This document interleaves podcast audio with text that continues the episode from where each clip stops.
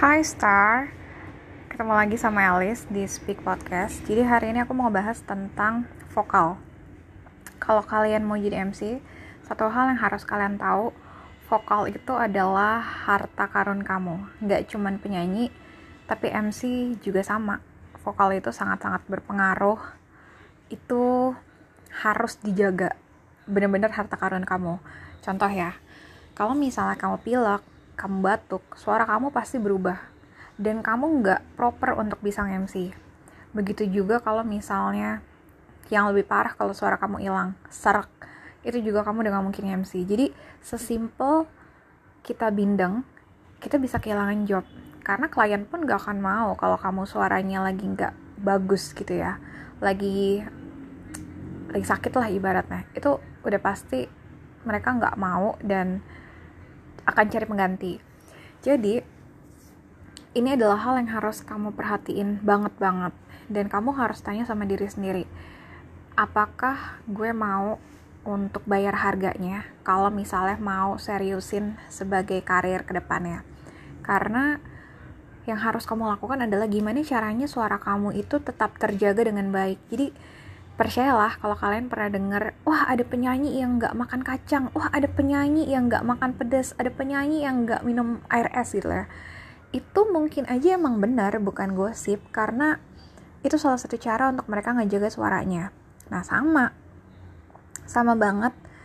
MC juga gitu tergantung dari jenis suara kamu. Tipe-tipe yang suara badak atau stabil yang ibaratnya mau makan gorengan, makan pedes, mau hujan-hujanan, baik-baik aja suaranya. Atau kamu cenderung yang suara-suara yang cukup rentan, misalnya gini, oh kalau kamu kehujanan, kamu jadi batuk pilek, jadi bindeng, nah kalau yang kayak gitu-gitu harus hati-hati banget. Dan harus mikir emang, jadi sebelum mutusin, oh enggak gue mau jadi MC, tanya dulu, oh gue mau nggak ya berkorban sebegitunya. Contohnya diri sendiri ya, aku itu waktu SMA suka banget sama Pepsi Blue. Nggak nggak tahu nih kalian familiar nggak sih sama Pepsi Blue? Jadi dulu tuh Pepsi Blue sangat sangat ngetren pas aku SMA dan aku suka banget beli gorengan. Jadi kalau keluar dari sekolah tuh pasti ada abang gorengan kan yang jualan. Aku suka banget beli bakwan. Itu udah pasti tiap hari makan gorengan sama Pepsi Blue. Tapi ketika aku mutusin mau berkarir secara serius sebagai MC yang aku lakukan adalah mengurangi minum Pepsi Blue sampai akhirnya aku bisa hidup tanpa soda. Jadi bener-bener even even aku nggak minum soda sama sekali aku nggak masalah. Yang kedua, bisa mengubah kebiasaan yang biasanya suka minum air es. Coba deh, jujur sama diri sendiri. Kamu tuh tipe kalau orang yang suka minum es gak sih? Minum air es, uh, teh, es teh manis lah, air putih juga harus dingin lah. Kamu tipe yang kayak gitu nggak? Karena jujur kalau kamu terbiasa suka minum es itu susah luar biasa untuk berubah. Karena aku juga ngalamin dulu gitu ya. Tapi aku nggak terlalu favorit sih sebenarnya. Tipe-tipe yang kalau misalnya kita mau makan di luar gitu ya kayak misalnya di warung tenda deh gue pasti mesennya adalah es teh manis. Itu udah pasti. Jadi aku tipe kalau penikmat walaupun nggak setiap hari minum juga gitu kan. Dan itu kerasa banget. Itu kerasa banget switchnya itu sangat sangat sulit aku nggak kebayang kalau orang yang emang habitnya atau nggak terbiasa minum air es itu mungkin akan jauh lebih susah lagi. Terlebih kalau itu berpengaruh ke suara ya. Jadi pertama aku udah nggak minum soda terus aku tidak minum es dan dulu tuh gini dulu tuh ngegantinya adalah teh hangat. Jadi aku selalu pesan yang hangat-hangat untuk bisa switch itu. Jadi kalau misalnya uh, ya es manis. Eh nggak nggak nggak pakai nggak pakai es uh, anget aja gitu. Itu udah pasti kayak gitu. Pertama nyebut es teh manis abis itu diralat nggak nggak uh, yang anget aja. Karena otak kita nggak bisa tiba-tiba langsung disuruh switch gitu aja gitu loh. Nggak bisa. Kalau aku berdasarkan pengalaman nggak bisa. Pasti pasti agak-agak error. Kita mesennya yang udah terbiasa gitu loh. Baru kalau udah sadar baru diganti gitu oh enggak enggak mas. Tadi pesennya yang uh, teh manis hangat gitu. Jadi ketika udah mulai terbiasa minum minuman yang hangat even sekarang pun di rumah bangun tidur minumnya itu air putih hangat. Mau tidur minum air putih hangat. Jadi aku terbiasa minumnya air hangat sekarang. Gak pernah lagi yang namanya minum es. Terus yang ketiga gorengan. Ah aku tau banget itu susah banget kan apalagi kalau kalian pecinta gorengan. Tapi percayalah dulu tuh dari tiap hari ngurangin jadi dua hari sekali. Begitu bisa dua hari sekali jadi tiga hari sekali. Terus akhirnya jadi seminggu sekali dan akhirnya nggak makan gorengan lagi. Gitu. Ya sebenarnya yang buruk dari gorengan itu adalah karena minyaknya dipakai berulang kali kan. Dan itu kadang tuh di, di suara emang jadi serak atau enggak jadi sakit. Mungkin beda ceritanya kalau kamu bikin sendiri kamu goreng pakai minyak yang emang bagus yang bersih gitu kan mungkin gorengan kayak gitu bisa-bisa aja kali ya dimakan karena kalau aku ya aku milih untuk tidak makan gorengan lebih simpel tidak minum soda tidak minum es tidak makan gorengan yang keempat karena aku suka banget pedas dan jujur kalau kita suka banget makan pedas kadang tuh suara jadi serak, jadi suka sakit. Karena apa? Karena kebanyakan makan cabai. Akhirnya, ini adalah satu keputusan yang susah untuk mengurangi uh, toleransi pedasnya. Jadi, ibaratnya kalau dulu makan maici level 10 lewat bisa gitu ya. Sekarang tuh makan maici level 3 udah ngerasa kayaknya itu terlalu pedas deh, gue gak sanggup. Karena apa? Karena bener-bener nurunin hmm, apa ya kan tiap orang tuh batas toleransi pedasnya beda-beda aku bener-bener ngurangin dari yang suka pedas yang gila banget sukanya. Sampai sekarang kalaupun nggak pakai cabai pun aku bisa makan. Kalau dulu aku nggak tahu ya apakah ada banyak orang yang ngerasain hal yang sama? Dulu kayaknya kalau makan nggak ada nggak nggak ada sambelnya itu nggak enak. Nggak bisa rasanya tuh kayak nggak bisa gitu loh. Kayak makanan tuh jadi kayak nggak ada rasanya. Tapi sekarang aku tuh bisa nikmatin makanan bahkan tanpa cabai sama sekali. Makan mie ayam tanpa cabai bisa makan soto tanpa cabai bisa. Dan aku malah prefer makan tanpa sambal sekarang. Itu kayak gitu. Jadi empat hal tersebut aku bisa lakuin secara bertahap. Jadi nggak ada yang namanya tiba-tiba gitu nggak ada. Bertahap dulu. Pertama yang dikurangin adalah soda. Soda udah berhasil baru naik ke RS RS berhasil baru ke gorengan. Dari gorengan baru ke makan pedas. Jadi bertahap nggak langsung empat empatnya dikurangin. Eh itu nggak percaya deh. Kalau kamu ngelakuin langsung empat empatnya kemungkinan gagalnya itu bisa 100% bisa kayak di atas 80% gagal. Kenapa? Karena ada empat yang kamu hindarin. Dan itu susahnya luar biasa. Jadi mendingan fokus sama satu dulu. Kalau udah berhasil baru tambah yang lainnya. Itu pengalamannya aku kayak gitu ya sekarang udah bisa empat-empatnya lepas. Yang harus dilakukan selain itu adalah kan harus tahu dulu dong diri kamu tuh tipikal yang kayak gimana. Kecapean suaranya bisa hilang gampang radang or something ya itu juga harus diperhatiin. Jadi aku punya komitmen oke okay, gue tidur harus 6 jam per hari itu kayak komitmen. Dan aku tuh benar-benar kalau tidurnya jam 12 malam pasti kebangunnya jam 6 pagi.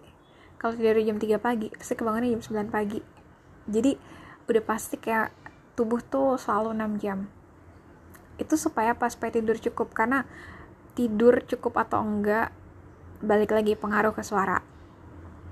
Kalau hujan udah tahu diri udah mendingan gue gak usah pergi atau nggak mendingan gue neduh dulu daripada hujan-hujanan. Karena aku pasti gampang banget itu batuk pilek pusing nah. Nah jadi gampang banget batuk. Nah kalau udah kayak gitu emang harus kitanya sendiri yang oke okay, bawa payung bawa sweater. Jadi bener-bener tahu jaga tubuhnya tuh harus kayak gimana. Minum vitamin. Minum vitamin supaya badannya gak gampang drop. Setelah itu baru masuk ke latihan latihan suara. Yang kayak a i u e u iya humming iya terus benar-benar kalau aku ambil pemanasan layaknya teknik vokal buat penyanyi. Jadi kalau kalian bingung oke okay, gue tuh pemanasan vokal harus kayak gimana kalian bisa cari tips pemanasan vokal di vokal plus ada kalau nggak salah. Jadi aku melakukan yang sama seperti yang penyanyi lakukan. Tiap hari ya udah tiap hari kayak gitu. Tapi aku menambahkan satu lagi latihan. Jadi setiap hari harus ngomong minimal 5-10 menit dan kalau kalian ngerasa aduh gue kalau ngomong sendiri kayak orang gila gitu ya coba lakuin pas kalian mandi. Jadi kalau kalian mandi nih di kamar mandi sendirian ya udah coba buat kayak kalau misal kalian mandi 5 menit ya udah 5 menit itu kalian harus latihan ngomong.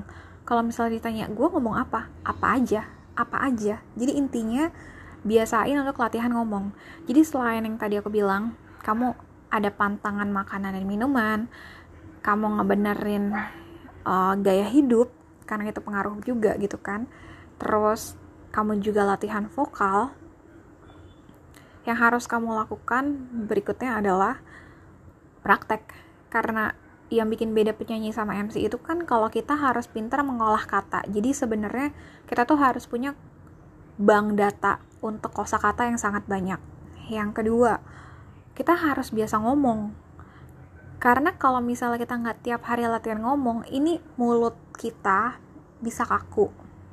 Terus kita juga bisa kurang lihai untuk merangkai kata. Jadi kayak kalau kamu nggak pernah latihan nanti pas mau MC-nya jadi kagok gitu loh. Jadi gimana caranya?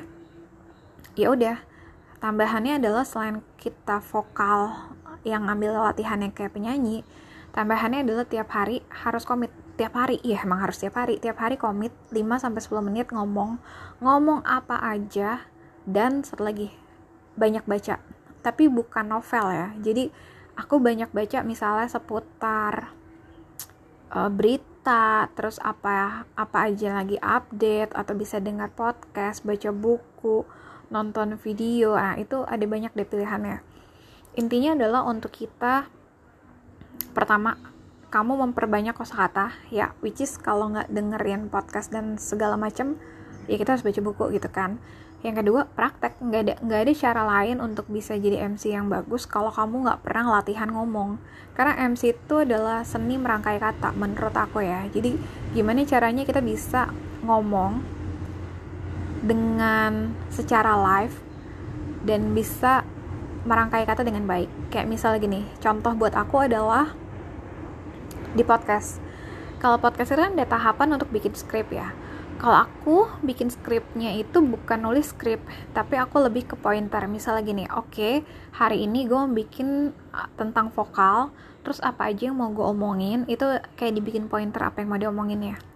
Tapi untuk aku ngomongnya kayak gimana, ya udah, begitu direkam, ngomong deh.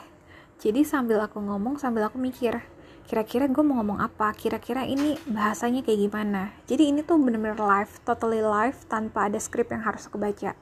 Cuman ada poin-poinnya doang. Kira-kira apa sih yang mau gue sampein? Kayak gitu aja.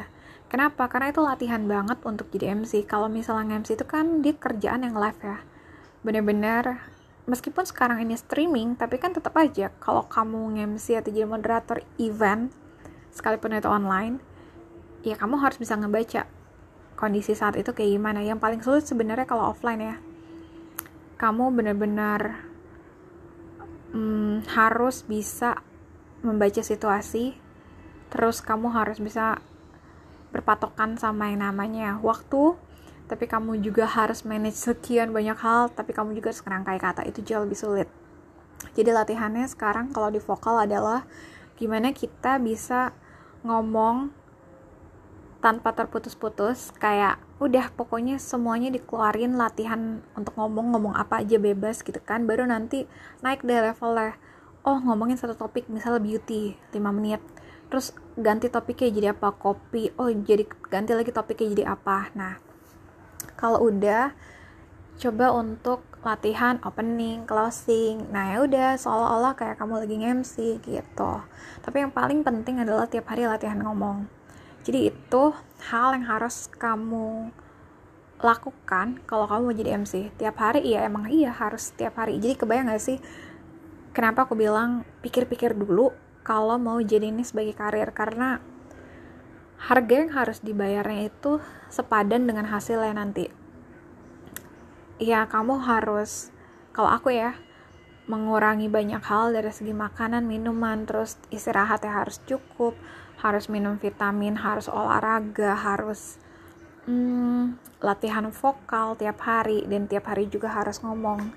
Kayak kamu bisa nggak melakukan hal itu? Dan kalau dibilang bosen ya bosen memang. Tapi itu kayak sesuatu hal yang harus kamu lakukan karena itu adalah pekerjaan kamu nantinya.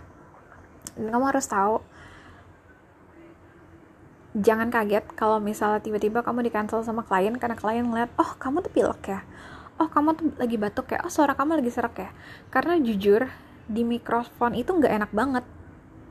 Kita sebagai audiens ngedengar orang lagi ngomong pakai mic dan itu suaranya bidang itu nggak enak banget sumpah. Jadi jangan kaget kalau seandainya kamu bodoh amat tapi one day kamu bisa aja di cancel sama orang cuman gara-gara ya udah sesimpel suara kamu lagi bindeng dan mereka nggak mau pakai kamu. Gitu. Jadi benar-benar pikiran lo baik-baik. Kalau kalian ngerasa ih gue nggak mau ya. Uh, gue tuh mau tetap misalnya minum es. Oh gue nggak bisa. Gue tuh pokoknya suka pedes. Nah kamu kayak harus mikirin lagi. Bisa kok tetap nge-MC tapi mungkin itu bukan karir utama. Itu kayak karir kedua. Itu bisa jadi side job gitu ya. Tapi kalau kamu mau menjadi ini karir utama ya emang ada harga yang harus dibayar. Terutama sesuaikan sama jenis suaranya kamu. Kayak gitu aku nggak pernah mau menjanjikan hal yang enak-enak ke orang-orang sekalipun aku punya sekolah MC dan sebenarnya kan kalau lo punya sekolah MC harusnya lo mikirin gimana caranya lo bisa dapat banyak murid iya gak sih? Tapi kalau aku aku tuh bener-bener punya goals pengen punya 100 murid yang bener-bener aku ajarin dan 100-100 ini benar-benar bisa jadi MC profesional yang emang sebagai karir utama gitu kan. Jadi aku make sure kalau mereka itu tahu oh gue milih jalan hidup kayak gini konsekuensinya adalah kayak gini gitu. Soalnya ada banyak banget yang ternyata nggak siap sama harga-harga yang harus mereka bayar gitu kan. Jadi di pertengahan jalan rata-rata pasti stop pasti berhenti. Nah makanya nih aku bikin podcast ini biar kalau ada orang mau jadi MC itu bisa dipikirin lebih lanjut dan dapat gambaran oh ternyata kayak gini tuh hidupnya mereka gitu. Kira-kira gue mau yang gue mau atau enggak nih ngejalanin hal yang sama konsekuensinya komitmennya gitu loh. Jangan cuman lihat dari hasilnya aja. Nah mudah-mudahan kayak kalian dapat gambaran everydaynya tuh kayak gimana. Dan jujur aku tiap hari itu menunya pasti ada sayur. Pasti ada sayur. Karena kalau misalnya makan yang kering-kering juga pasti tenggorokan jadi hmm, jadi gampang radang. Itu kalau aku nggak tahu ya kalau orang lain. Jadi bener-bener ada segi sekian banyak komitmen yang cukup cukup lumayan untuk dilakukan setiap hari. Nah tanya sama diri kamu gue mau nggak ya ngelakuin hal kayak gini setiap hari? Gue mau nggak ya ngubah diri gue sampai segini ya? Gue mau nggak ya penyesuaian hidup sampai di titik kayak gini? Kalau emang ngerasa berat pikirin ulang. Pikirin ulang. Kayak gitu. Nanti kita ketemu lagi di topik berikutnya di Speak Podcast berikutnya. Sampai jumpa. Goodbye.